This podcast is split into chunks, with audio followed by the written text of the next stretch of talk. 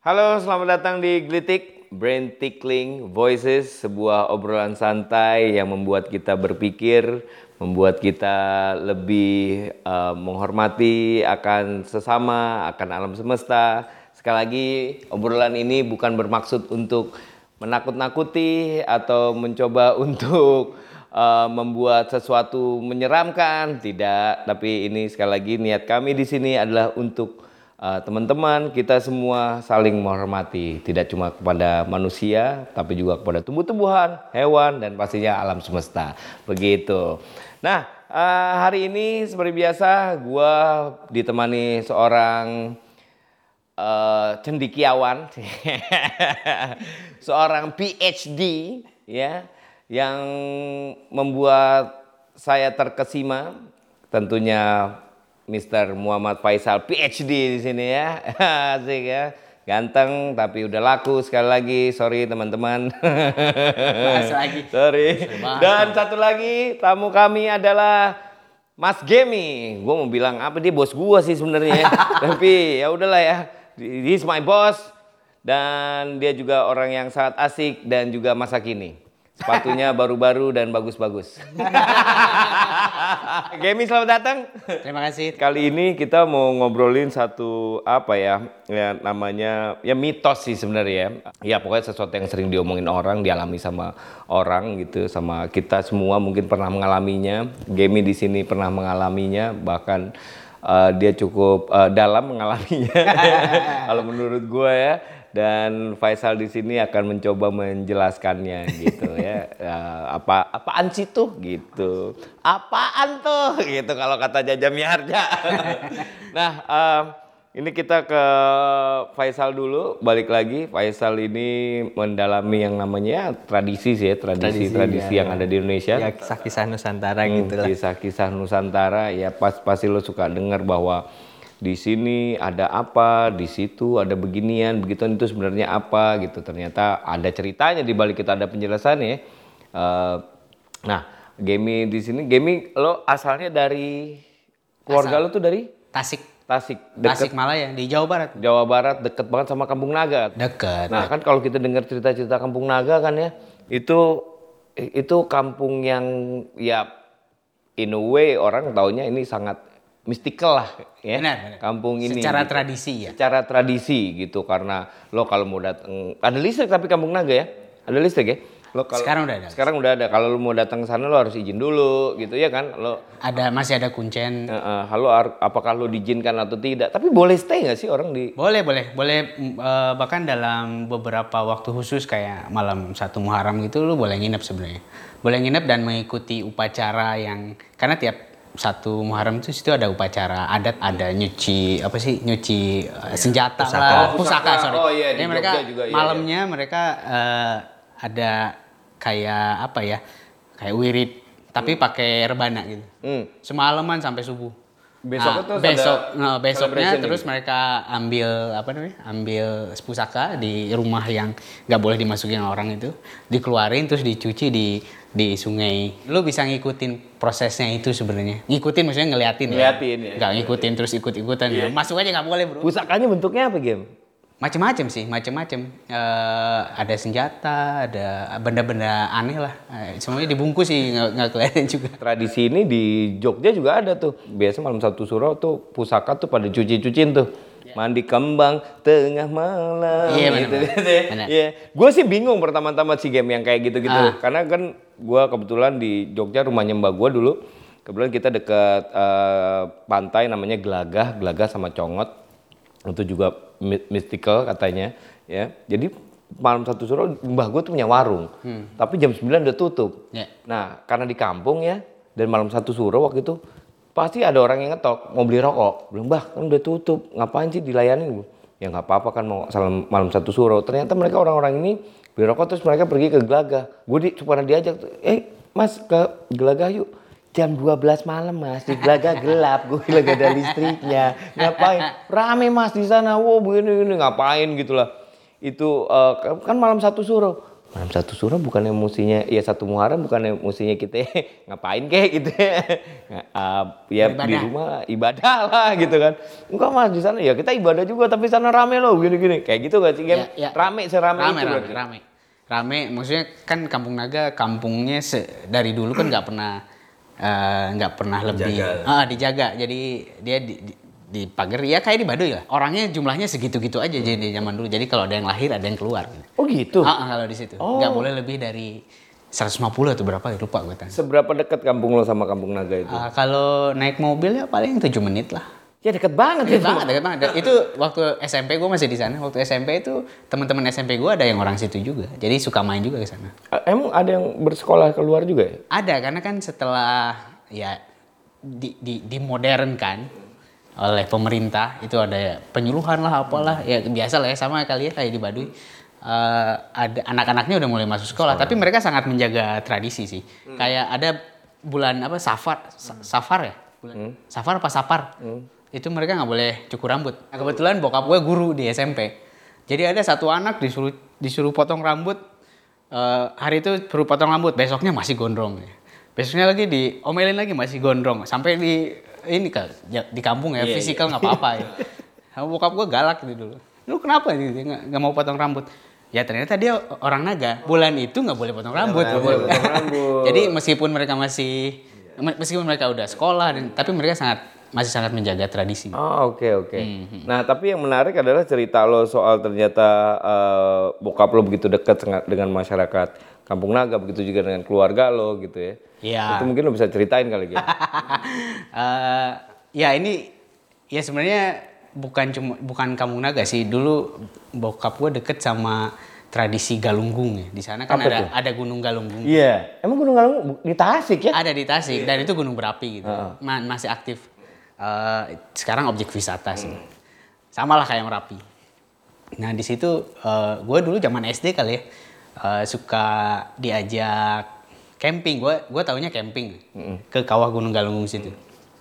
Nah itu mungkin sebulan berapa kali gitu. Gunung Galunggung setelah meletus kan? Setelah meletus jadi ke kawahnya gitu. Iya, iya, iya. Gue ingetnya camping aja. Buat gue menyenangkan lah ya bisa nginep di kawah gitu sama bokap.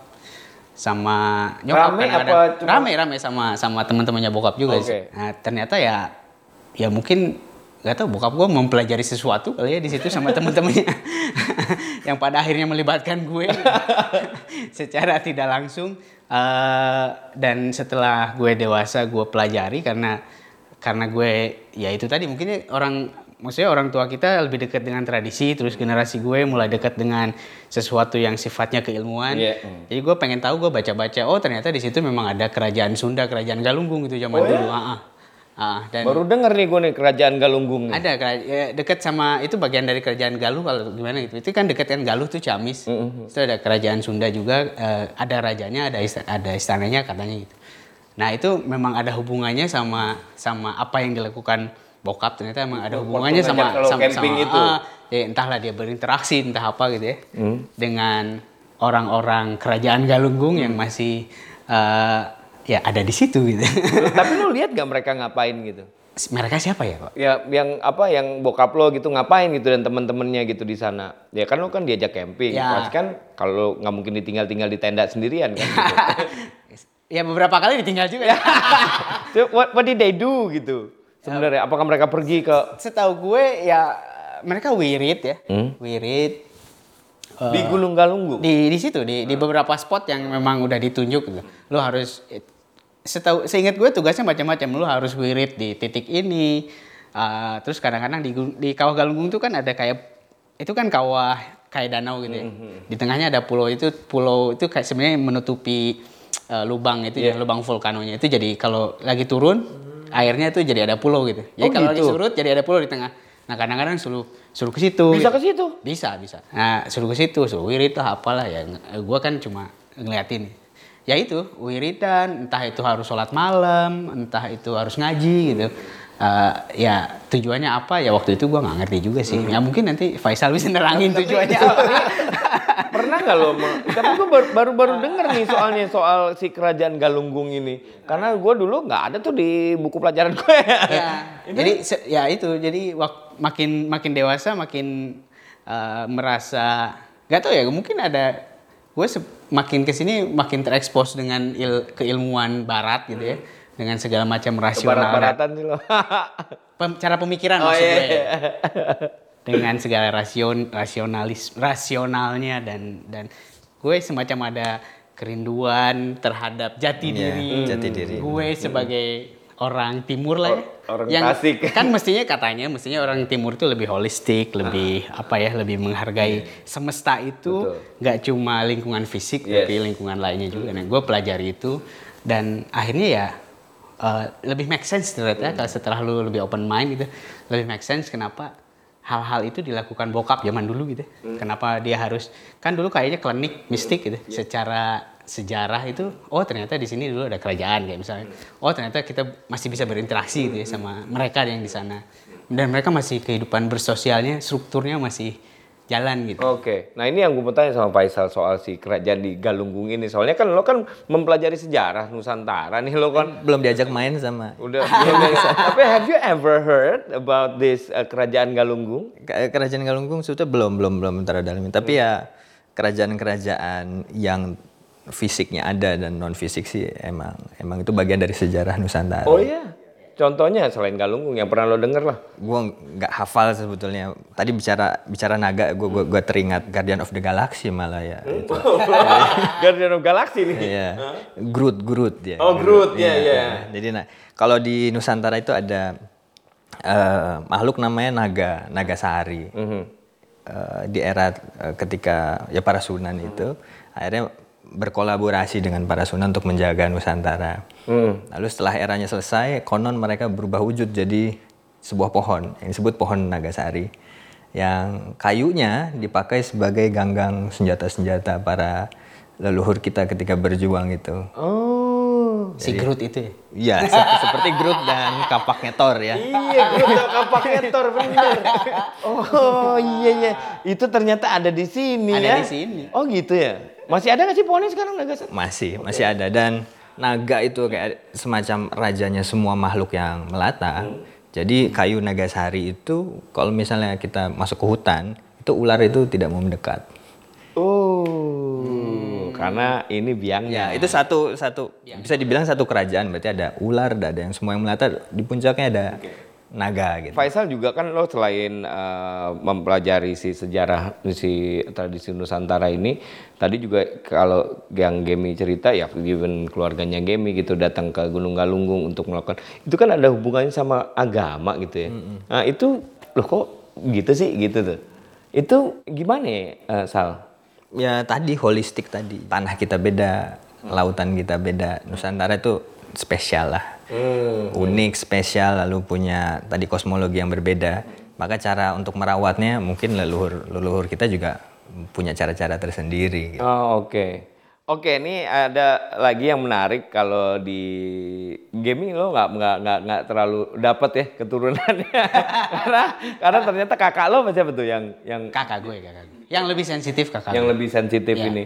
Yang apa jadi mediator? Dia dia bis- dulu dia bisa jadi media mediator lah. Mediator apa nih? Media mediator untuk berinteraksi lah. Teman-teman kita di dimensi lain Iya, iya, iya. untuk bisa berinteraksi sama kita. Jadi kayak apa jadinya gitu ya kalau bahasa kliniknya kayak kesurupan kali ya. Tapi eh, kalau Tapi nggak rusuh gitu. kalau kesurupan rusuh gitu ya ngamuk-ngamuk. Kalau ini enggak sih kayak eh, kayak dia rohnya masuk terus dia bisa ngobrol kayak gitu kayak gini. Kayak gini nih. Kayak gini kayak biasa. Cuman ya personalitinya jadi beda. Oh biasanya lo taunya siapa tuh yang apa Eh, seinget gue ya dulu eh, biasanya memang bagian dari masyarakat si di Galunggung situ. eh, gue inget, gue inget sekarang namanya, namanya Cucu. cucu Ternyata dia putri di kerajaan Galunggung, gini-gini. Ada ceritanya tuh. Eh, dia masuk ke, dia kayak masuk ke kakak gue itu ya berinteraksi aja sih ngobrol. Kadang-kadang ngobatin orang gitu ya. ngap maksudnya ngobatin orang, dia bisa ngobatin dia orang. bisa ngobatin orang, dia bisa ngobatin orang sakit gitu ya. Kalau tetangga gue sakit, dia tiba-tiba masuk ke kakak gue terus ngobatin ya dengan cara-cara Oh, iya? dengan cara-cara tradisi lah ya, bukan bukan cara-cara Iya, iya, medikal. iya, iya, iya. Entah itu dipijet lah, doain lah dan sebagainya. Tapi lo pernah ngobrol tuh di Ya saat- ngobrol biasa kayak gini, kayak lu jangan ngebayangin kesurupannya. Iya, enggak yang Gitu. gitu. Enggak ya. itu kayaknya tingkat rendahnya gitu ya. Ngobrolnya bahasanya sama bahasa kayak gini. Bahasa Sunda yang pasti ya. Oh dia ngomong ngomong bahasa Sunda. Sunda. Oh kebetulan lu bisa Sunda sih Ya ya. kan kita orang Sunda. Iya iya. iya. Orang Sunda.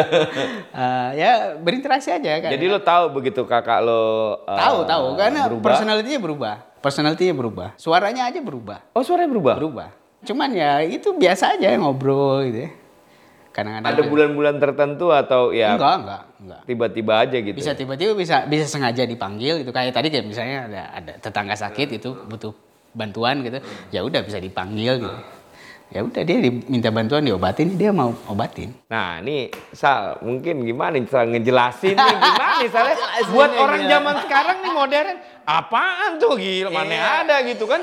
Iya, Iya emang kalau menurut gue sih butuh open mind ya. Eh, Nah iya, tentunya kita butuh keterbukaan eh, dan keikhlasan hati teman-teman nih. Karena nggak nggak logik sih kalau uh, Pasti ya susah menjelaskan tapi ini kan secara tradisi ini gimana Sal itu? Apa, apakah emang ada apa atau apakah memang ini cuma orang-orang tertentu kayak keluarganya Gemi ternyata keluarga kerajaan gitu atau gimana? Ya masih coba mencari tahu ini apa, tapi yang jelas ya peneliti barat, peradaban barat sekarang tuh lagi mencoba juga untuk memahami itu sih.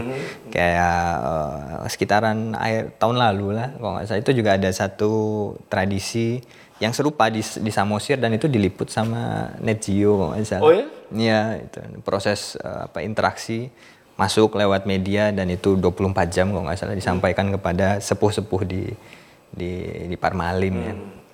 Jadi pun barat dunia barat tertarik untuk itu dan dan ya kita juga harusnya mencari tahu bahwa ini sudah ada sejak dulu dan kita harus perlu perlu mencari tahu juga. sih. Tapi memang kalau yang ya tadi eh, gampangnya sih kita nyebutnya kesurupan ya gitu ya. Itu eh, apa bisa semua orang kayak gaming gitu kakaknya, eh, tapi dia bisa siapa aja masuk atau Enggak ada. Kalau kasusnya di di keluarga gue itu ya uh, spesifik. Maksudnya dia media khusus untuk si karakter ini. gitu. jadi dia doang, Dia doang yang bisa masuk. yang lain Yang nggak lain nggak bisa. nggak pernah tuh. Kan, jadi itu kayak nge-match gitu. Hmm. Belum belum tentu match sama karakter A, B, C gitu. Dia memilih karakter yang yang yang match menurut gua nggak tahu apa kategorinya apa cuman ya seperti jadi Dia beberapa udah punya algoritmanya sendiri Ah, tuh. beberapa media-media waktu itu kan nggak cuma kakak dua gua doang ya Eh, teman-teman bokap juga gue juga ada media si ini eh, cocoknya sama siapa Oh, si ini oke. cocoknya sama si jadi selalu selalu tokoh itu aja yang masuk Ya, orang-orang yang apa yang ya kesab, kesambet, kerasukan, kesuru. Gue sih nggak nggak demen nyebutnya, ya. cuma Iya, iya, kalau kayak gini soalnya bukan bukan gua- kesambet jadinya. Maka- makanya gue gue apa ya? ya itu Tren sekali ya. ah, media media sih kayak Iya, me- ya orang-orang kan, ya. kan, kan sekarang di di lu ada lu tahu acara I ada Hollywood Media apa sih Iya, iya. media itu kan sama aja kan sebenarnya jadi ada lu eh, di di program I itu karena istri gue suka nonton ada seorang ada anak muda yang bisa berinteraksi sama orang-orang yang sudah meninggal kalau dia kasusnya begitu ya ya kalau dia jadi media untuk berkomunikasi Iya, ya. iya, kalau menurut gue sama aja sih cuman mungkin formatnya beda-beda gitu. Maksudnya nggak cuma di kita di barat di dunia barat juga ada dan ya itu benar sih. Sekarang media media Amerika aja udah ngambil itu sebagai sesuatu tontonan yang Itu, iya, kita saking, saking dahsyatnya kita ya. Jadi eh, hal-hal seperti itu kayak misalnya kuda lumping itu kan mungkin atraksi Iya. sehari-hari yang kita tonton. Iya, benar. Anak kecil diikat terus dimasukin ke apa kurungan terus tiba-tiba tali yang bisa Iya. lepas. Itu David Blaine itu orang bayar mahal banget buat non- buat nonton itu kan. iya benar iya benar ya Terus makan beling. Iya kan? Iya. Gue sih makan beling di Oh, video iya. klip. ada itu tren sih ya cuma cuma itu eh, gimana ya gue ya kayak orang katanya kan begitu si si kuda lumping gitu ya begitu makan beling tuh yang makan bukan dia gitu. Nah iya itu lagi-lagi kan mediator dan nah itu sehari-hari kita gitu. Sehari-harinya eh, kita di Nusantara di, di Indonesia. Yang di luar itu butuh so- sosok wah, seperti David Blaine yang dia mendalami bertahun-tahun terus akhirnya dia baru bisa atraksi seperti itu dan semua terkesima. Jadi sebetulnya kita punya sesuatu yang luar biasa juga. Cuma secara tradisi dan sejarahnya ya eh, hal-hal seperti ini Sal memang memang banyak sekali ya di, di Sehari-hari. Bukan, Sehari-hari bukan banyak, maksudnya? banyak lagi. Sehari-hari kita memang ya memang seperti ini emang. Du- dulunya atau bahkan sampai zaman sekarang. Ya sekarang mungkin ya tadi udah terekspos dengan banyak hal dengan dengan apa namanya logika modern terus teknologi mungkin suatu teknologi juga magis kan teknologi magis gitu karena bluetooth itu kan proses data terus gambar bisa pindah dari satu tempat ke tempat lain itu magis juga Magis. cuman lewat medium teknologi Iya, gitu iya. Oh dulu kan kita misalnya kalau di Jawa Barat tuh ada yang pakai kendi tuh, eh main dong ke rumah gitu. Nanti orangnya datang gitu. Oh iya? Iya, Ada ya? Gue iya. nggak tahu lu tahu nggak? Hah? Iya. Pakai kendi. Iya. Ini ngomong ke kendi gitu. Iya, jadi telepon. Ada ada benangnya nggak di bawah kendinya? Jadi Nggak ada. Dia, dia, dia datang. Mungkin kita belum bisa ngejelasin tuh gimana suara itu bisa sampai ke rumah saudaranya yang di di tempat lain. Tapi teknologi juga dong berarti. teknologi pada masa itu. Tapi gue pernah ini ya, pernah dijelasin dulu zaman zaman gue masih sekolah malah Eh, sama ada kiai lah di di Garut. Eh, Itu kan masih deket-deket Tasik situ. Dia menjelaskan eh, fenomena apa sih eh, yang lu ngeja ngejailin orang tuh apa? Yang ngejahatin orang tuh? santet. Santet. Dia ngejelasin fenomena santet itu pakai teori EMC kuadrat. Oh gila. Keren. E, EMC kuadrat. E, E itu kan Percepatan. energi sama dengan massa, yang Massa. di yang di apa namanya? Dikalikan. Ah, ah. yang di uh, apa, apa percepatan gitu. Percepatan. Santet kan misalnya masukin paku ke perut lo gitu. Nah, untuk bisa masuk ke perut lo itu dia perlu dijadikan energi dulu. Supaya bisa masuk supaya kepada bisa masuk ke perut. Terus dijadiin lagi massa gitu. Jadi massa kalau untuk dijadikan energi kayak teorinya Einstein itu kan sebenarnya bisa. Ya dengan itu kan kalau kalau misalnya teori teori sekarang eh, kuantum teori kuantum itu kan sama aja. Lu mem- memecah massa jadi atom-atom yang lebih kecil terus eh, ada eh, bisa teleportasi lah Iya, dan sebagainya. iya, iya. santet kan gitu juga sebenarnya. In a way ya. in a way gitu. Makanya dia eh, menjelaskan santet dengan eh, teori Einstein itu dengan dengan rumus Einstein itu kalau menurut gue masuk akal ya. Iya karena sih. secara teori kan emang bisa. Saat- meskipun misalnya sekarang teori kuantum makin ke sini makin lebih jelas gitu. Maksud gue ya itu make sense sih. Mm. Gimana caranya paku bisa masuk ke perut? Ya paku itu Edan jadi energi edan sih. Gue pernah lihat soalnya tuh di saudara gue juga pernah tuh tiba-tiba di perutnya di belah ada videonya tuh gue ngeliat juga malas tuh ada kayu segede gini terus ada pakunya berapa biji paku-paku yang udah karatan gitu. Cuma nih yang ini since lo mention about santet gitu ya ini dari dari kap ini voodoo ini voodoo men. Voodoo boy kalau di Afrika ya kan? Ini ini da- dari kapan bener nih si santet-santet ini nih Jangan santet aja, eh, maksudnya ya tadi aja kita bicara tentang kemampuan berinteraksi Iya, dengan benda ya. Ya kalau sekarang kan kita semua gadget pasti ada bluetoothnya gitu. Iya. Dan harus di-connect dulu gitu. Ya mungkin benda-benda di alam itu punya semacam bluetoothnya. keren tuh ya Ya kan harus di-connect dulu gitu. Setelah udah di-connect baru bisa dikontrol nih. Oh bisa belok kanan kiri atas pindahin gitu kan. Keren. Nah, makanya ada kisah misalnya eh, yang pernah gue dengar kisah seorang sunan yang ketika perang tuh dia pakai jarum terus digerakin jarumnya dia su terus itu. Yondu. Yondu. Ada tuh galaksi. Yondu. Yondu ya. jadi connect dulu secara bluetooth memang istilah zaman sekarang gitu. Kan Yondu bilang kan waktu dia lo waktu mau ngajarin itu ya lo nggak lo bukan pakai ini nyuruhnya pakai hati apa yang lo pikirin what's in your mind lo pikirin dengan pakai hati makanya dia akan ngikutin. Lo lebih deep lagi gitu kan dia bilang. Iya. itu bluetoothnya connect Bluetoothnya, co- ya. connecting uh, the itu. Wow wow. Bluetooth alam itu mungkin ya generasi terdahulu dia dia bisa bisa connect gitu dia tahu kodenya itu passwordnya. Kita bisa pelajarin nggak tuh? Itu telekinesis dong telekinesis ya bisa ya ya. istilah barat telekinesis. Iya, telekinesis kan. Iya. Dan eh, kalau secara keilmuan tuh telekinesis penjelasannya apa? Eh, ya memindahkan barang memindahkan barang dengan wirelessly. Ah, ah. Iya kan? Ya kalau kalau orang dulu mungkin ya istilahnya hatinya harus bersih, terus orangnya harus bijaksana.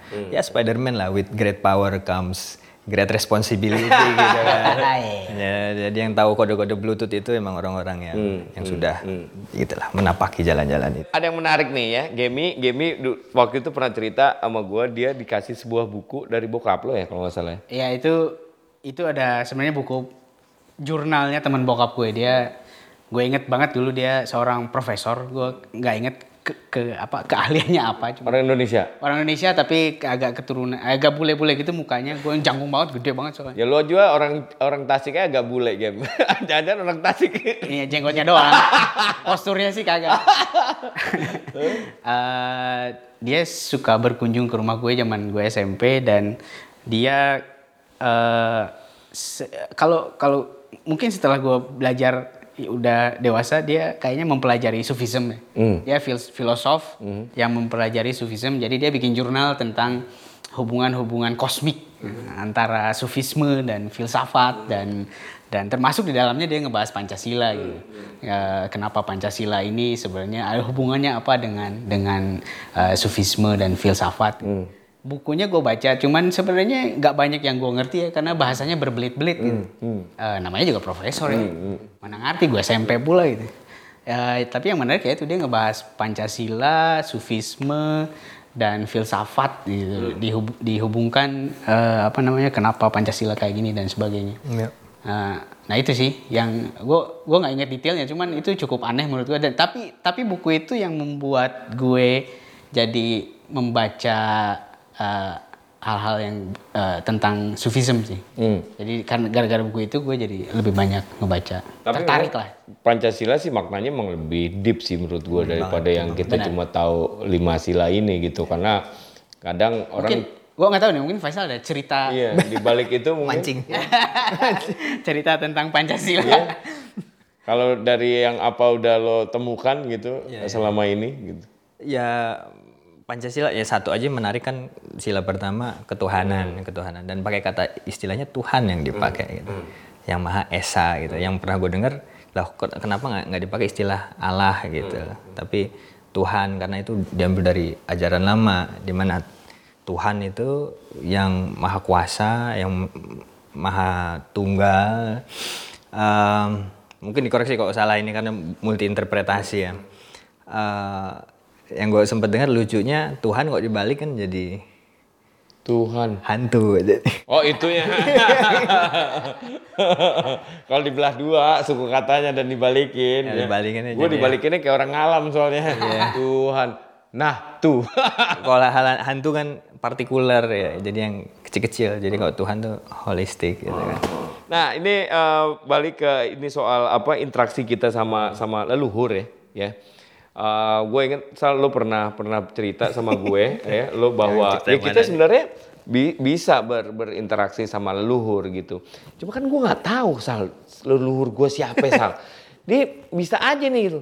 Lo bisa lagi lo di belakangnya siapa ada apa-apa itu itu ap- itu apa Sal gitu. How? Ya, mak- maksudnya untuk kita bisa menghormati kan at least we have to know dong. Ya. We- it- siapa leluhur kita dan lain-lain cara me, cara merunutnya gimana gitu. Iya ya. Eh, jadi pertama sejarah kan ya. Sejarah itu kan dari akar kata sajaroh ya bahasa Arab. Sajarotun itu artinya pohon.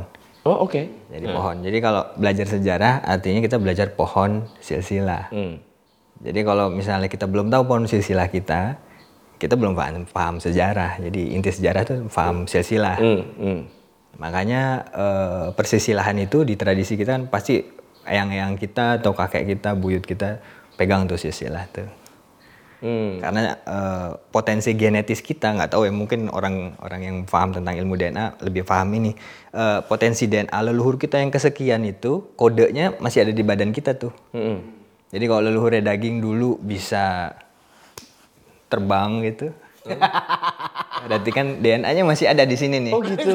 Wah, masalahnya kayak gue ada gue pernah denger tuh di keluarga gue. DNA lu ngomong ya.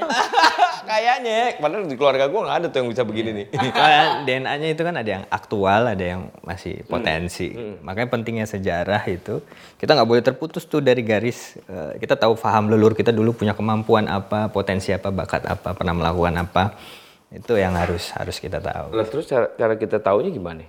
Ya, ya telusur. Jadi kayak menelusuri. pohon. Kalau pohon mungkin sekarang kita eh, pohonnya itu udah udah rontok itu tinggal ranting-rantingnya kita harus kumpulin puzzle rantingnya satu persatu gitu. Hmm, terus cara kita berkomunikasi dengan leluhur itu adalah dengan Ya paham dulu ininya, Oke. paham, Oh, paham petanya dulu. dalam ini ya. Lebih dalam. Kayak misalnya, ah gue langsung interaksi. Kalau kalau kalau gue ngelihatnya pertama kita paham dulu roots kita tuh seperti apa. Gitu. Dan kayak di barat sekarang pun semua orang bicara tentang roots ya. Jadi Ya, back ada- terus kembali ke rootsnya lagi, kembali ke rootsnya lagi. Yang lagi rame yang itu, yang DNA itu game. Sekarang kan ada selebriti-selebriti, terus ada main bola main bola terkenal. Begitu dibelah eh, DNA-nya ternyata dia, lo tuh ternyata mostly ternyata orang Prancis, bukan orang Itali, gitu. itu tuh. Jadi ya, jadi kayak misalnya untuk kita bisa dekat dengan leluhur, kayak misalnya kalau kita suka banget sama sesuatu, dekat banget sama sesuatu. Let's say kita suka sama Justin Bieber gitu. Terus kita punya semua pemahaman tentang Justin Bieber yang yang lengkap gitu. Nah, pas kita berinteraksi dengan apa pun, wah ini t-shirt punya Justin Bieber. Terus kayak kita seakan-akan bisa ngerasakan, wah gitu. Terus nangis gitu. Nah, sama dengan leluhur kalau kita udah deket, kita paham, kita tahu semua tentang leluhur gitu, kita bisa punya sense dek- sedekat itu gitu. Bisa nangkap sudut pandang mereka, termasuk ya tadi kode-kode genetisnya mungkin ya. It's in our blood gitu ya. In our Istilahnya. blood gitu loh. Ini sih kayaknya banyak yang ya somehow zaman sekarang kayak orang melupakan leluhur sih, ya. Ke, makanya kita less respect akhirnya karena kita nggak mengerti sejarahnya, kita nggak tahu silsilahnya, atau jangan-jangan juga karena kita juga nggak tahu mesti menelusurinya ke mana kali gitu game. Iya. Kalau lo kan masih yang memang keluarga lo masih yang sangat ini banget, masih tradisinya masih menghormati tradisi, ya kan? Cuman cuman nggak juga sih. eh, me- kalau menurut gue sih anak-anak muda sekarang lebih penting lagi untuk mempelajari akarnya sendiri karena makin dunia makin global, identitas makin gak jelas, pengetahuan kita tentang akar siapa diri kita sebenarnya itu jadi makin penting gitu. Iya, kalau menurut gue, Eh, nah sayangnya memang nggak tahu ya kasusnya orang tua gue ya namanya juga tradisi tradisi kita kan tradisi bertutur ya. Eh, tradisi bertutur kan seadanya cerita-cerita doang gitu tanpa mencoba menganalisis kayak Faisal gitu. Iya. Jadinya emang harus ada effort dari kita sih untuk mengenal siapa diri kita sendiri dari akar akar kita tuh seperti apa gitu. Nah itu yang sayangnya memang tidak semua orang mau melakukan effort itu. Karena nggak ada waktu game. Enggak juga sih itu eh, maksudnya peng- pengetahuan sekarang di internet banyak gitu. Eh, misalnya gue gitu mem- mempelajari kesundaan gue gitu. Ya ah, di internet banyak gitu, literaturnya gitu. Ya termasuk kalau ketemu tokoh Iya. Sunda itu ya lu nanya ya. Ya emang harus ada effort iya, ada effort, makanya sih ada effort ini yang yang yang agak berkurang. Ya kurang bekerja keras lah. Sekarang soalnya bekerja keras untuk bikin apps game. Biar kaya gitu game. Termasuk bikin, kita. Bikin startup. ya masuk kita gitu. Itu habis di situ bikin waktunya. podcast biar Bikin kaya. podcast biar kaya. Bukan kaya. Waduh, ini sebenarnya seru banget ya obrolan ini. Nanti kita mungkin bisa sambung lagi gitu ya. So, uh, Gemi, terima kasih ya. Sama-sama, Dan thank you. sekali lagi obrolan ini bukan bermaksud untuk apa eh, nakut-nakutin. Balik lagi ini adalah lebih buat menghormati ya, menghormati alam sekitar bahwa ya istilahnya kalau di film-film em, X Files we are not alone gitu. we are not alone gitu ya. Memang kita nggak sendiri kok dan bukti-bukti itu bisa lo lihat di sekarang makin banyak media-media ya internet kayak lo juga udah bilang bahwa media barat juga udah mulai tertarik sama hal seperti ini karena mereka mungkin juga udah menyadarinya dan di Indonesia begitu kaya akan hal-hal ini gitu karena Indonesia begitu besar pulau-pulaunya banyak, suku bangsanya banyak, bahasanya banyak, udah pasti kan tradisinya banyak banget gitu. Mungkin jumlahnya ribuan. Nah, itu itu yang yang yang sebenarnya kita mesti eh, menghargai, kita mesti respectful ya. Capsir kalau kata anak sekarang gitu. So, eh, in a way semuanya ini membuat kita menjadi manusia yang lebih baik sih. Ya. Ya kan? Ya. Gitu. So, terima kasih. Pastinya sampai ketemu lagi di obrolan gelitik brain tickling voices ini di obrolan yang lebih menarik selanjutnya. Oke? Thank you, Sal. Thank you, Gemi. Terima kasih Bung. Thank you.